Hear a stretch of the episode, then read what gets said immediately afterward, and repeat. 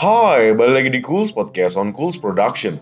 Selamat datang kembali di episode selanjutnya dari Cools Podcast. Bahas tentang patah hati ya. Patah hati sering kali terjadi di usia-usia muda. Apalagi anak-anak muda yang baru pertama kali merasakan cinta ya. Patah hati malah menurutku itu banyak terjadi ketika ada suatu hubungan yang belum pernah mulai tapi udah selesai gitu. Bayangin coba, ada sebuah hubungan yang belum dimulai tapi udah selesai. Jadi itu semacam kayak lagi PDKT sama cewek, lagi deket atau enggak lagi deket sama cowok gitu tapi nggak berjalan dengan baik. Mungkin gara-gara satu atau dua orangnya tuh sama-sama nggak klik lah, nggak menemukan klik atau kecocokan gitu kan. Jadi aku juga baru mempelajari bahwa ternyata ya patah hati belum tentu tentang hubungan yang tidak berjalan dengan baik. Tapi mungkin juga ada hubungan yang bahkan belum pernah mulai tapi sudah selesai. Tapi yang lucu tuh kayak gini, ketika lagi mencari klik ya satu sama lain, ketika si cowok lagi cari klik sama si ceweknya atau enggak si ceweknya lagi cari klik sama cowoknya. Nah, lucunya adalah ketika ada salah satu yang berharap, entah itu cowoknya atau ceweknya, dan ketika sudah menyatakan perasaan, terus abis itu yang satunya kayak ya menolak lah. Tapi lucunya tuh gini, ya ada fase yang di mana nanti tuh ada beberapa orang menganggap itu tuh pelaku sama korban gitu loh kan malah jadi kasihan gitu kan. Cuman lucunya gini kalau kamu udah deket lama berbulan-bulan tapi abis itu nggak jadi gitu ya oke okay lah kamu galau udah mungkin udah sampai ke sana ke sini sama dia ngelakukan doing things together kayak ya bareng-bareng sama dia tapi terus habis itu nggak jadi. Mungkin nggak masalah lah kalau misal kamu galau. Cuman lucunya ketika kamu tuh baru deket dua minggu modal chat habis itu modal semangat doang lah kok udah minta kasih harapan gitu loh. Kan Bro, Bandung Bondowoso itu tuh bro Bangun seribu candi itu semalam. Itu lo masih di PHP Bangun candi semalam itu lo masih di PHP lo Kamu kayak yang cuma modal semangat modal chat ya udah minta kasih harapan. Sebenarnya nggak apa-apa sih ketika kamu berharap. Ya well lah oke okay lah kalau misal kamu tuh berharap ya mungkin kamu ngerasa udah deket sama dia udah ya udah klik gitulah cuman ketika kamu menyatakan perasaan terus habis itu dianya menolak. Oke okay lah kamu awalnya udah berharap terus nggak jadi gitu kan. Oke okay, kamu patah hati. Cuman please jangan sampai menaruh ada korban dan ada pelaku. Jadi kalau ketika kamu ditolak cintanya jangan bilang kalau kamu korbannya Bro, gak ada yang minta buat kamu untuk ngedeketin dia. Dari awal tuh kamu sendiri yang suka sama dia. Dari awal juga kamu dulu yang ngechat sama dia. Terus ketika kamu menyatakan perasaan, apakah dia juga nggak boleh menyatakan perasaannya juga gitu loh? Kan juga nggak harus, kadang-kadang tuh nggak harus selaras gitu nggak sih? Aku nggak pernah bilang kalau ini bakal mudah, tapi men, jangan sampai menaruh kamu tuh di posisi korban, terus dianya pelaku. Jangan kayak gitu, men. Itu kan berarti kan dari point of view-mu. Iya nggak sih?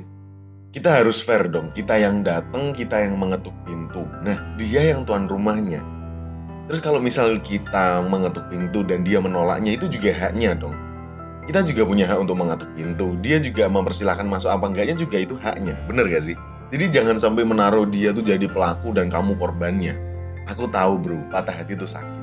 Aku juga pernah pada hati juga bikin mungkin jiwa-jiwa penyair kita tuh dia datang dengan sendirinya gitu kan. Aku juga gak tahu stimulan apa yang bisa bikin kayak gitu. Mungkin kita kayak bisa bikin puisi kita bisa bikin syair kayak gitu gitu kan. Kadang-kadang gara-gara stimulun galau gitu loh Iya gak sih? Apa aku doang yang ngerasain itu gitu loh. Tapi mungkin aja tuh uh, nggak cuma aku doang ya mungkin ya. Dan aku tuh ngerasa itu kayak gini men. Ketika ke sini-kesini aku ngeliatin kata-kata dari Jalaluddin Rumi. Bagi yang belum tahu Jalaluddin Rumi itu seorang penyair di zaman dulu ya. Dia sering kali bikin syair-syair puisi tapi tentang ketuhanan. Jadi kayak rasa cintanya dengan Tuhan gitu loh Cuman kan ya relate buat orang-orang galau gitu kan. Aku telah mengarungi ribuan lautan, tapi aku tenggelam di bola matamu. Ada yang setuju sama aku gak sih ketika aku bilang Jalaluddin Rumi itu juga orang yang termasuk beruntung gitu loh. Kenapa gitu? Karena ketika dia sedang galau, dia sedang memikirkan kata-kata dan timbullah kata-kata itu. Untungnya tuh nggak ada sosmed gitu loh. Untungnya juga beliau tuh nggak memanfaatkan Instagram gitu loh. Ketika misal dia bikin caption gitu dengan seperti itu, mungkin pada zaman itu bisa aja banyak orang yang bilang, alah siap boy. Mungkin kayak gitu gak sih? Cuman bedanya ya zaman dulu gak ada sosmed gitu gak sih?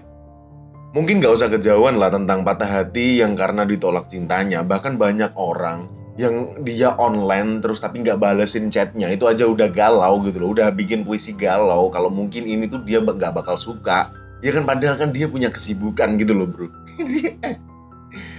cuman ya tetap mau bagaimanapun perpisahan tetap hal yang menyakitkan gitu loh. Mau dikata bagaimanapun, perpisahan tetap hal yang menyakitkan. Aku juga pernah mengalami fase-fase patah hati karena ditolak seseorang. Aku juga pernah melalui fase-fase kayak kalian gitu loh. Nah, di situ aku dapat kata-kata yang mungkin sedikit mengena di hatiku ya. Itu kata-katanya Sabrang Mowo Damar Panuluh. Itu putranya Cak Nun beliau mengatakan ya patah hati itu sebenarnya gara-gara kamu tuh bukan missing the person gitu loh kamu tuh nggak merindukan personnya tapi itu kebiasaan-kebiasaan yang biasanya kamu lakukan dengan orang itu jadi sebenarnya tuh itu kamu tuh masih belum bisa terbiasa tentang keadaanmu yang sekarang ini ketika yang dulunya ada yang ngucapin selamat pagi sayang atau enggak selamat pagi baby ah ya ampun ya ampun Nah terus sekarang udah nggak ada. Nah kamu tuh missing the moment gitu loh, bukan missing the person mungkin. Nah biasanya orang-orang yang masih berlarut-larut di patah hati itu kan gara-gara dia masih mikirnya dia missing the person gitu loh. Dia merindukan orangnya, padahal sebenarnya ya kebiasaan-kebiasaan yang biasa dia lakukan dengan orang itu. Mungkin itu yang bikin aku berhenti di fase patah hati.